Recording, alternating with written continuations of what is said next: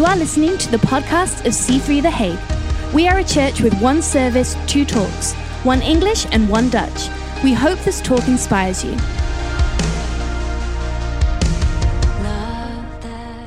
2 Samuel 24. This is the message, by the way. I'm reading from the message translation. How, uh, how inno- innovative is that? I haven't never done that before, uh, I think, as a base scripture for my sermon. But it says, Once again, God's anger blazed out against Israel. Who knows? It's going to be a good day uh, in church today when you read that. It says, He tested David by telling him, this is quite interesting because it's not quite in the English translation. So, or in the Dutch translation, it says, "Go and take a census of Israel and Judah." See, in the in the Dutch translation, it says that uh, the king just said, "You know, let's count the people." But anyway, uh, he says, "Go and take a census of Israel and Judah." So David gave orders to Joab and the army officers under him, uh, canvass all the tribes of Israel from Dan to Beersheba and get the count of the population. I want to know the number. I love that little statement actually. I want to know the number. Have you ever been there? Uh, I need to know the number of my situations. I need to know the number of my business. I need to know the number of my, you know, what's the number? Just give me, give me the number. Michiel looks at me and he knows what I'm talking about. Because sometimes in church I'm like, I need to know, you know, we just want to count stuff. And so we, we need to know a number. But Joab resisted the king. He says, May your God multiply people by the hundreds right before the eyes of my master, the king. Um, but why on earth would you do a thing like this? Nevertheless, the king insisted, and so Joab and the army officers left the king to take a census of Israel. They crossed the Jordan and began, and then it talks all the place that they went through. I'm not going to bore you with that. Uh, every single part of the Bible is is uh, is inspired by God, and we can teach with that. But I'm just going to skip to. Uh, they canvassed the whole country, and after nine months and 20 days, they arrived back in Jerusalem. Joab gave the results of the census to the king 800,000 able bodied fighting men in Israel, and in Judah, 500,000. So it's 1.3 million. But when all was when it was done, David was overwhelmed with guilt because he had counted the people, replacing, listen to this.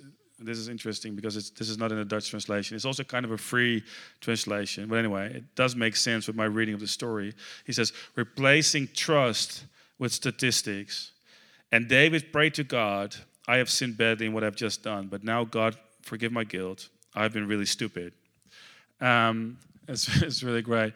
Also, um, just to sort of mention, uh, something bad happens afterwards in the story, but uh, I'm not going to read the whole story to you. So if you want to know, um, well, you can just read the Bible you know? So so i'm just going to leave you with that little cliffhanger to read your bible. Um, well father we thank you for this opportunity to speak your word. I thank you for this amazing amazing uh, part of scripture. Um, i pray it will help us to not only hear but to do and to exercise in the truth of your word so help us lord to exercise this coming week as we implement the things you're saying to us in the name of jesus amen because we obviously all know that exercise makes us better and not worse, even in a heat wave. Although I wouldn't say it's a heat wave. This has been a very highly published um, temperature rise of two days per per season. So I was actually expecting like it's going to be like like like tsunamically. Uh, that's not. It's going to be like tropically hot and everything. It's warm, right? But I'm enjoying this. So anyway, so um, so have you ever wondered what you have achieved in life? Anybody? You've ever have you ever taken taken a measure measure stick to to kind of determine where am I, how far am I, what have I achieved? Um, I think I think we all sort of tend to do that because there is an there's an I believe, a God designed, inborn uh, design um, of a desire in us for greatness. I believe that every single person has a desire for greatness that is God given. Um, to the point that Jesus has a discussion with his disciples around the topic of greatness, and they're sort of like hung up on their political positions and everything, and they're discussing among each other which one of us is the greatest. And Jesus says, If anyone among you desires to be great, you should become the servant. Uh, how, and the interesting thing is, as a result, a lot of Christian teaching goes, the, the conclusion of that scripture is, hey guys, So we better get serving. We better be serving because the, the implication is, is that I think a lot of, I think all people desire greatness. So Jesus actually doesn't say, hey, you should stop desiring greatness. He says, if you desire greatness, you should serve. Um, so basically, he's stepping into a, a general, universal desire to be great and to do great. So he says, if you, if you want that, and they'll go, heck yeah. like, of course I want that. He says, well, then you should serve. And so everybody says, well, okay, so then the church, we should all serve. Well, because we all want to be great. See, greatness is something we all want. The, the, the, the question is, obviously, how do you measure greatness? And David was at a time in his life, which was, this was one of his last deeds as a king, by the way. So he's at the end of his kingdom. Um, and he sort of wants to have this, I guess he wants to have this conversation around legacy. He wants to sort of know what am I leaving behind here? What have I built? What is, what is my legacy? Um, and so he, he says to his commander, he says, Well, you know, why don't you start counting? Because, and it says, the Spirit of the Lord inspired him or tempted him. But but he says, why don't you start counting? Because I want to know where I'm at. And, and I think we've got all kinds of crises in life um, a midlife crisis, I think quarter life crisis these days. Probably we'll have an end of life crisis where you evaluate. I think there's a beginning of life crisis and, and recently a millennial crisis. Like the, they're all in crisis all the time, it seems. Well, when you, if you read the media. Um, but you know, there's this thing in us where we sort of want to measure where am I? Am I doing well? Am I on track? And I recognize that. I, I, I understand that. And so, um, and so my statement will be it comes from a universal desire to be great. But my first question I want to ask you is how do you measure, how do we measure greatness? Um, so I want to talk about our, our life, our world, our personal world, because I just think it's interesting. There are different sort of extremes when it comes to measuring greatness in our life.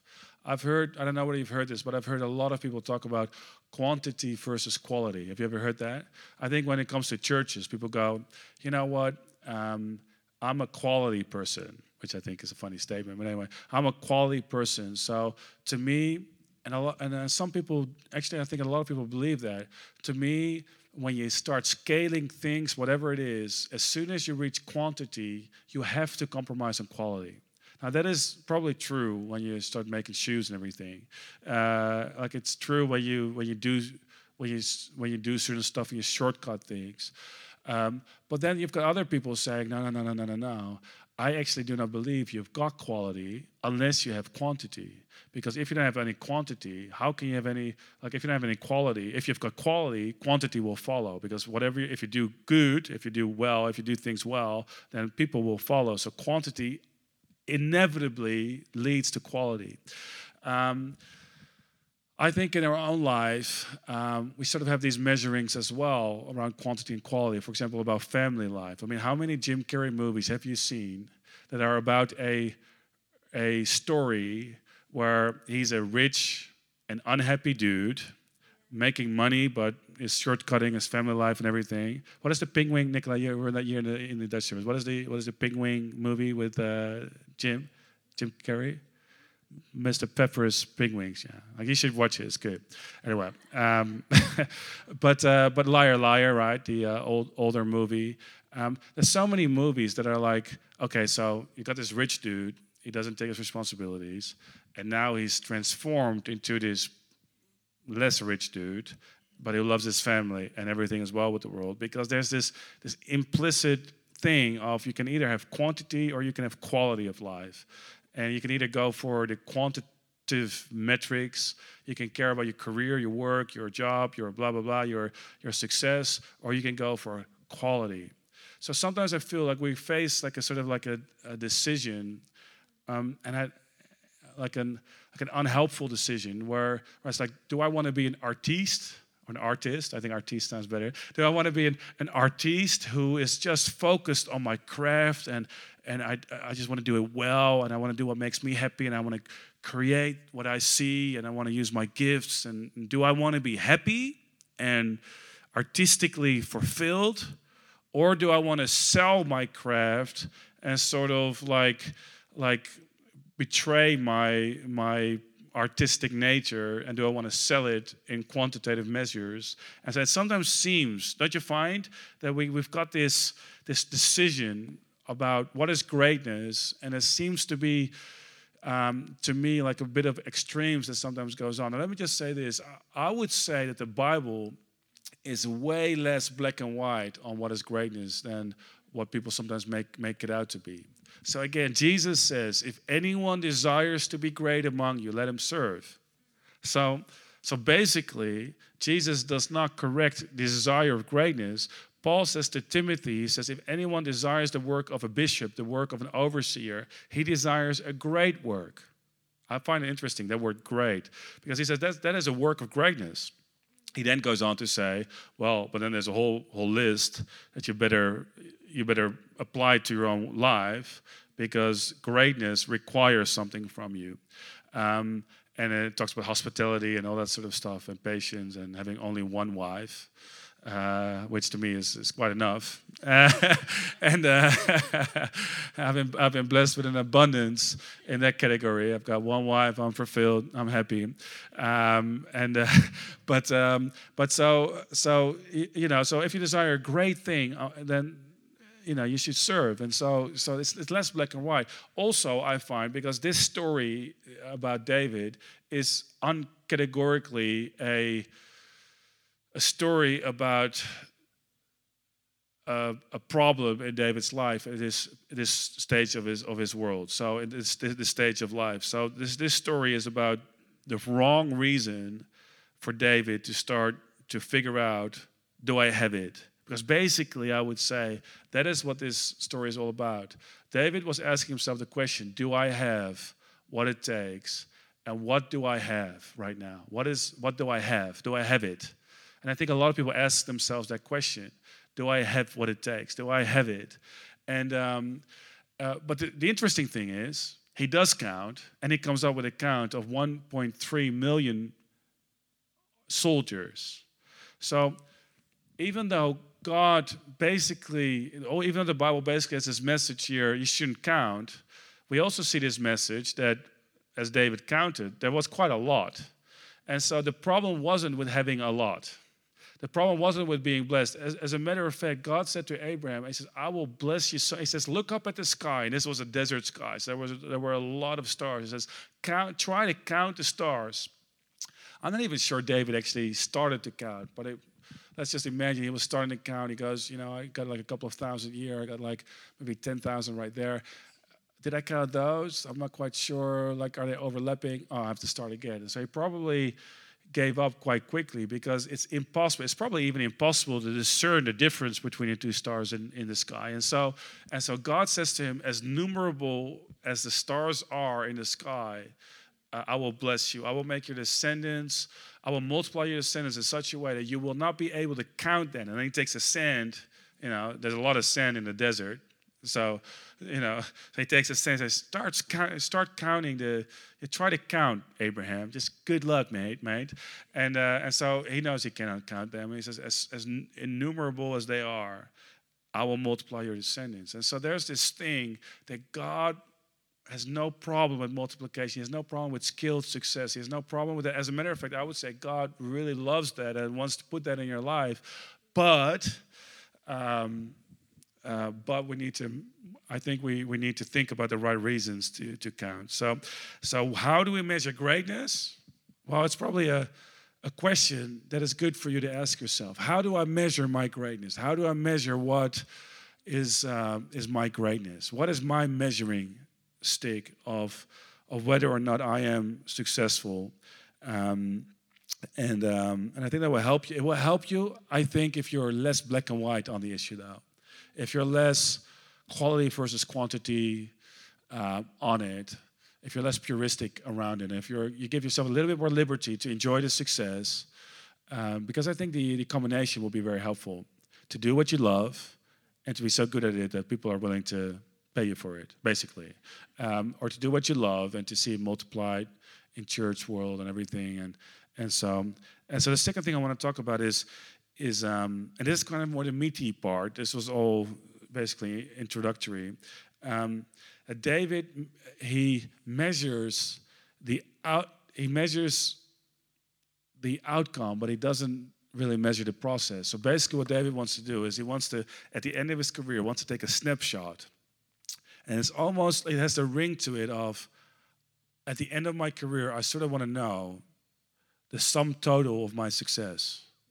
What have I achieved here? So he's like, let's take an Instagram snapshot of my world, and I want to know, do I have, well, what do I have? Do I have what it takes? And I don't quite know, but we cannot really read into it, but it's kind of like this picture. At the end of my life, what is my legacy? Let's take a let's take an inventory of my legacy. So he starts counting. But the fascinating thing is, and this, this will be my thought that I want to share with you, measure the process and not the and not the outcome. Oh, measure the outcome, but but also measure the process. Because David here is a little bit obsessed around the the outcome and my take will be is that he's using the wrong metric to measure his success. So, so let's just make this a little bit more practical because I understand this is maybe slightly abstract. Um, but but let's just think about David for a second because this moment in David's life, in King David's life, is quite an uncharacteristic moment because David um, didn't really get here to this point in his life through trusting in his own power and his own strength. And so you have to understand that the process of David's promotion um, was quite opposite to the attitude that we see in David's life. And you can see that lots of um, many moments in David's um, in David's you could say career or David's uh, calling, you can see are defined by these moments that he was the the person who actually never really was counted in. So, for example, let's take the beginning of David's career, 1 Samuel 16. We're not going to read that, by the way, but you can sort of like think about that, or you can write it down if you want. But 1 Samuel 16, the prophet comes to town. He comes to this family to select himself a new king, successor of King Saul. And he says, Yeah, just gather your sons around. And so uh, David, being a shepherd boy, isn't even selected by his father to be there. Now, there's probably different reasons for that. Um, some some theologians, some commentaries would say that David was a um, was a son of an affair or whatever, but there was a reason why his father was ashamed of him. And um, and let's also take this into account. They, the the prophet uh, Samuel, who the Bible refers to him as no word that he spoke um, fell to the ground. In other words, everything that he spoke inspired by God as a as a can you run? Oh yeah yeah yeah yeah. All right. All right. All right. Well, that's a painful moment as a father right there. I love that girl. Anyway, all right. Okay, let's continue. She'll be fine. Don't worry about it. Uh, probably just a fingernail, her fingernail. But so, so David, um, where was I? That's so distracting. Um, so David has this uh, so David's not counted in, right? And um, uh, and the prophet, oh, yeah, this is what I was saying. The, the, prophet is tempted to go look at the oldest, bro- the, the eldest brother, and he goes, "Yeah, this guy is really king material. I mean, he's got like, like, you know, like strong build.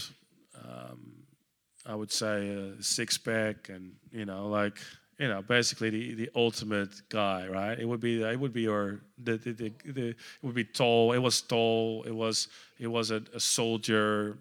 It was uh, it was like successful and skilled. And so the king, so the prophet is about to take his his horn. He's like, this is, I'm telling you, man, this is the guy. Uh, you know, like this is this is the man right there. Uh, I, I can so see this. He gets a little excited. He starts dreaming around the future. You can see him uh, like riding his big horse and everything. I don't know. Like, like he could he could see him sitting on the throne. You can see like he's prophetically getting like this this imagination. And God says to him, "Say, hold on. You know, you look at the appearance of man, but God looks at the heart. But I look at the heart." Which, by the way, is not an encouragement for David, because now we all know that you know, D- David wasn't very likely. It wasn't like like an appearance and everything. It's not an encouragement for him, but it is a major encouragement for every single person of us because now we know that God does not select on appearance. So David, so I would say that the the headhunters would have never given David a shot at being king. They would have never selected David. There were no headhunters going, well, we need a king. Let's look at, let's, let's, let's just get, gather all the shepherds and, and see which of them, let's go, you know, Israel's got talent, let's organize it, let's just see what unlikely candidate we can find. Oh, no, no, there was nothing like that. So the headhunters would have never given David a shot. Well, David and Goliath, right?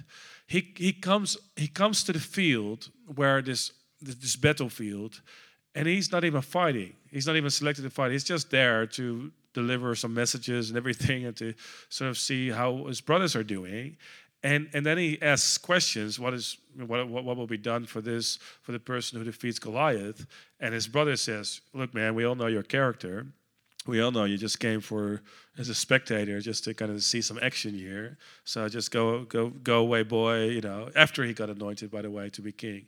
And um, and so he's probably jealousy like a brotherly issue there um, that we're not going to deal with right now because that will go way too deep for some of us I'm a youngest brother, so I kind of know. No, I'm just kidding. But um, but so I would say that the bookkeepers would have never given David a shot. So, so the headhunters would have never given David a shot. But now the bookkeepers, they would have never said, "Oh, you know, David with his slingshot and his little, a couple of five little stones, yeah, he's gonna slay giant. This is a giant slayer, people." No, no, no, nothing like that. Like that, it was absolutely unlikely he would he would get it done. And um, and so you have to understand that all throughout David's life. Think about, think about Saul, who was persecuting David. At one point, it says he gathered all the strong men, and David was there. And the people that he attracted were people in debt, in problems, in trouble. They were fleeing from the law. They were outcasts, outlaws, and they were just coming to David. They was like, "Oh, I guess, I'm, I guess you're my guys. You know, I guess this is my team. Got a bunch of crooks and and and uh, and thieves." and uh, so and so he's he's fleeing from the king, and um, and so I would say like the the the political journalists would have never said, oh, you know, we're looking at we're looking at the future king right here. You know, like they would have never given David a shot. And so, so if you see like throughout all David's life, you you you have to acknowledge none of this counting stuff got David where he was. And this is very uncharacteristic also when you read the Psalms. This is not who David was, but this was a moment where he sort of got deceived into, into maybe out of the brokenness of his heart at, the, at an old age because he was betrayed a couple of times. Um, he, he fell into this trap. But see, I would, I would encourage you to, to when you don't have, let me just let me just say this: when you are not where you want to be, and I think this is probably all of us. Would, would, uh, would, would that be correct? When you're not fully where you want to be, if, if your life is not, if you're falling short in your circumstance, you think, I should have been here, I should have done that, I should have been greater, my encouragement would be to, to, to again start to look at the process. Number one, how you got where you are today, but also to look at the process in David's life and to understand that it's character, it's the internals, it is faith, it is integrity, it is the attitude, it is it is the quality quality of faith that will that will produce in your world. But if you measure yourself only by your circumstances, you're going to fall short. So my encouragement would be to to to me- start start getting the metrics right and measure these things that you can influence, so that you can influence your future. And will that lead to success? Well, hopefully and likely and and probably. And I and I and I would pray so. But even if it wouldn't, like let's just let's just get the metrics right about what is greatness. Um, the the obviously the uh, the warning in that is that is that when you do have stuff, if you when you have achieved something, to to really be very careful to start leaning on whatever you have accumulated in your life or whatever you have achieved, to sort of like identify yourself with that and to say, well, that's my legacy. Um, because the thing I would say is whenever you start measuring, no, sorry, what I would say, and this is tweetable by the way, whenever you start trusting in your let me just say this properly because this is this is kind of like I want to get this right. Um, what, whenever you start trusting in what you have, this is how I would say it. Whenever you start trusting what you have, you will always find you come up short. Like no matter whether you have a lot or or few things, or a lot of success or a few success, or whatever it is, as soon as you start measuring Do I have what it takes? You will, you will fall short in some way. And so I found this that, um, that when I look at my life, I, I, I do not want to start trusting God and end up trusting in my, in my accomplishment. I don't want, I do not want to start relying on God and end up relying on my own strength. And I'm, I'm, telling you, like, like this scripture, the reason why I'm sort of giving it to you is because it kind of spoke to me this week. Because, you know, there can be moments where you're starting to sort of like lean on, you know, lean on the wrong things. And so, but, but I just, I just kind of, I, I, I just kind of make this commitment to myself. I want to, you know, I want to go for the long haul. I want to keep on believing. It doesn't matter how big our church will get. I want to keep on believing.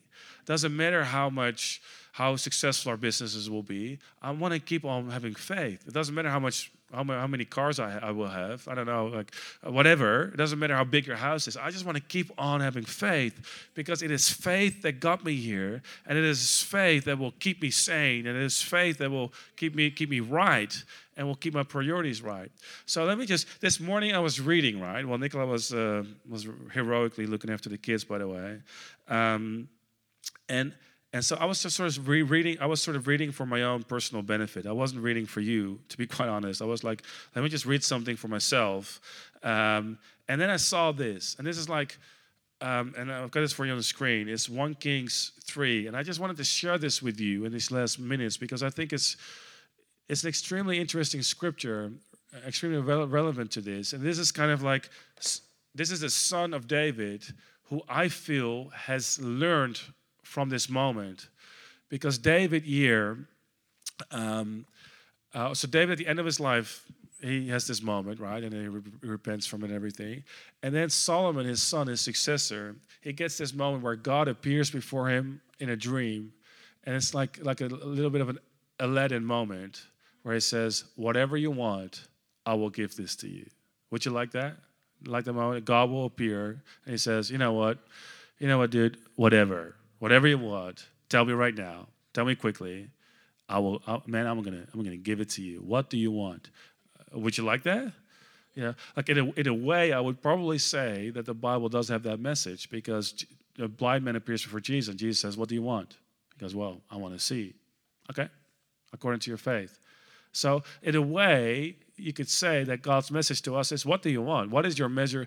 It's probably the answer to what your measure is for success. So think about that for a moment. It was good that Solomon was asleep because Rachel could probably tell you, and maybe uh, Joshua as well, that when you sleep, your subconscious is probably more, more at work than your conscious. And so, well, let me just say this: your conscious cannot mess up your answer. So, so, so, so God makes sure Solomon is asleep. So now he's asleep, and so his conscious cannot take over. So his subconscious, his inner, his inner desire of greatness. He, he says this. So, so his answer to the question is the following. He says. Your servant is here among the people you have chosen, a great people, too numerous to count or number. Well, isn't that interesting how Solomon got that revelation? Now, my perspective is Solomon must have gotten this from his father's experience because he, he realizes I am responsible for a people that cannot be numbered. And let's go back to Genesis where God says to Abraham, He says, I will multiply your descendants um, to the point that you will not be able to count them. So this is the fulfillment of the promise of God. It's the beginning of it, by the way, and uh, and so and so and so he realizes this. Isn't that interesting? And so um, and then he says this.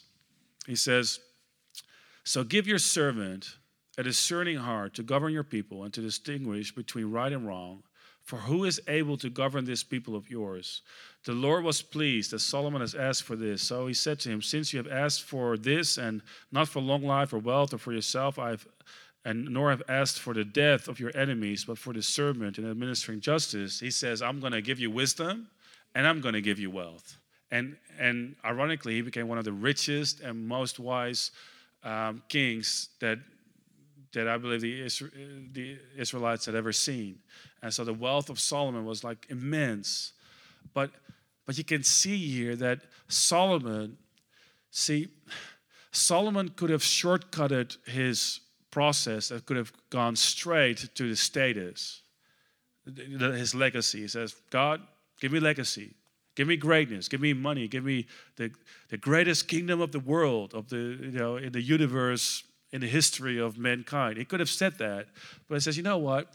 I actually want the process. Because, Lord, if I know that I can have you, see, I can have nothing, but if I have wisdom, I'm going to be good. If I've got the right heart, I'm going to be good. And this is Solomon who also wrote Proverbs where he says, Wisdom is more to be treasured than gold, silver, rubies, um, precious stones, money, wealth. Because if you got wisdom, he says you can you can be a, a, foolish person with a lot of wealth, and you're gonna number one you're gonna lose it, but number two it's not gonna it's not gonna impact anyone anybody. And here's this thing, going back to Jesus, who says, "If anyone amongst you wants to be great." See, Solomon here sometimes seems to he seems to realize to me that if I want to serve my people well, I need wisdom. So, so in a way, he's, he's doing exactly what Jesus is saying. He says, I want to be great, but Lord, I want to, I want to know how to effectively serve.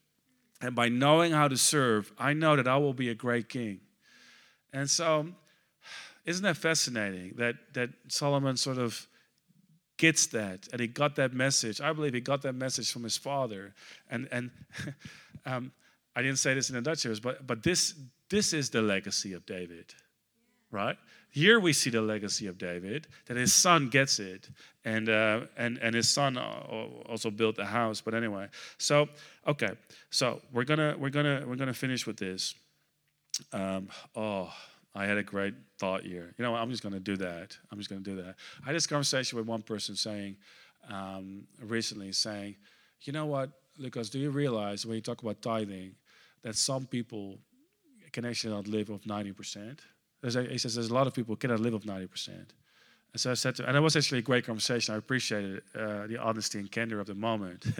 um, and I, I, don't always respond subtly to, to everything, but I just felt like, I actually felt inspired by God because I gave this answer and I, and I thought, wow, that's amazing. And then this when I sometimes know that's, that's God. Um, but I said to him, I said, Okay, so what we can do is we can just choose to say, well, we can write these people off and say, this is your potential. You will never, you will never achieve more. This is what you are. Um, God will not do any miracles for you. Um, try to live on 100%, and good luck to you.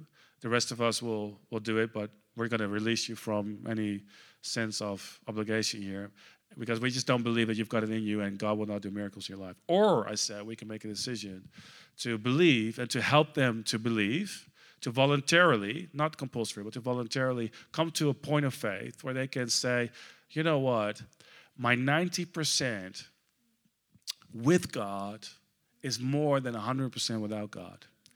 And, and, and I'm going to trust. And, and so I, and I said, so, so we can choose to believe in them and to trust in God and to believe that God can actually do miracles in their lives. And we can encourage them to live a bigger life. Not to say that more money is bigger, right? Because I think we've addressed that in this message. But we can sort of help them and inspire them because you know what? They're not going to make it 100%. You've said so yourself. So why don't we just believe that with God they're able to do more? And so this is what I would say. It's the, it's the I think the measurement is if your measurement is faith, it will, it will make sense. And if, and if your perspective is faith, it will work for you. But if your measurement is, if your metric is, what do I have? Do I have enough? Is my army big enough? Do I have what it takes? Do I have the money to pay my bills? It's going to be a problem because you're focusing on your own means. So that's I, I, just didn't didn't want you to miss out on that. But the, the last thing, and Sumner is gonna I'm gonna have to talk to him how to end this service earlier. But so why? So this is obviously the message. Why you count counts, right? Why you count will count. And so ending ending with that. I don't think there is a problem with counting. And when I read that scripture, I was I was kind of confused, uh, like when I first read that scripture, because I'm like, what is the problem? That God has with David counting. Because God was apparently not pleased with this. And Joab was like, well, obviously, this is the wrong thing to do. I'm like, really? Is it the wrong thing to do? Like, why is it wrong to count? Uh, you, you, wrote the book Numbers. You know what I mean? Like, you know, there was a lot of counting going on there. And, um, and so, but, but, but see, it's the, it's the motivation in our counting that really counts. And so Jesus tells about the, uh, God being a shepherd. And he says, God is like a shepherd. He counts the 99 and then he goes after the one that's missing. But how do you go after the one that's missing if you don't know that there's, that there's 99 sheep present? So I would say the reason why we count really counts. And so as a church, we, we have statistics and we, we like them. But our statistics should never be, be the foundation for trust. Our statistics are there so that we know the name of the one person, basically. And uh, so we want to go after the one, but therefore we need to count. And in your in your life, like in your finance, everything, you need to have like measure measurings. You need to have numbers. What is the number? But then you need to determine. I think I think every number needs to have a name. And uh, well, this is pretty good. If the numbers have names, the the the measures they they are valuable and they are important. But if the numbers aren't don't have names, if they're about see how much I can accumulate for myself. See, I'm getting less and less interested in how big our church is. I'm more and more interested in, in how, how, we, how we can disciple people and be helpful. And, um, and I do think that will lead to a bigger church, by the way. Um, but I don't think there's an either or situation. And so I want to encourage you. I want to encourage you to define your measuring and your metrics, to define your metrics carefully and to think of what counts for my life. And then to, to um, to have a trust. Put your trust in God. Thank you for listening to this podcast. If you want to know more about what's going on at C3 The Hague, please follow us on Instagram. We'd love to see you on Sunday.